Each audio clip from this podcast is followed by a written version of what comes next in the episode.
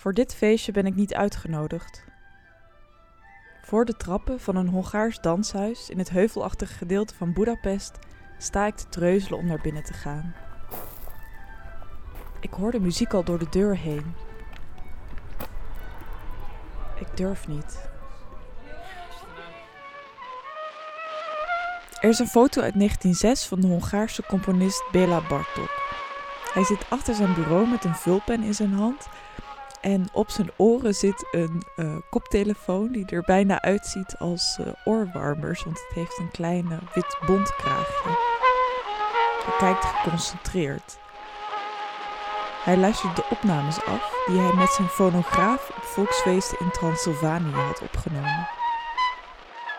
Volgens Bartok zou de componist de volksmuziek zich eigen moeten maken, zoals de dichter de taal zich eigen maakt. Het is bouwmateriaal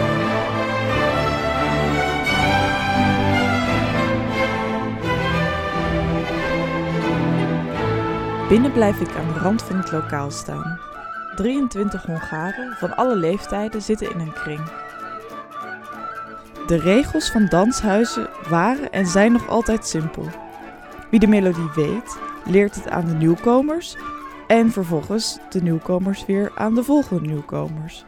Zo wordt de traditie doorgegeven. Er komt geen bladmuziek, geen geschreven noot aan te pas.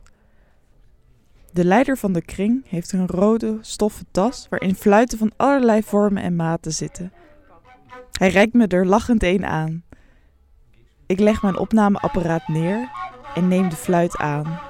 En ik fluit tot ik weer mijn fluit neerleg om te dansen.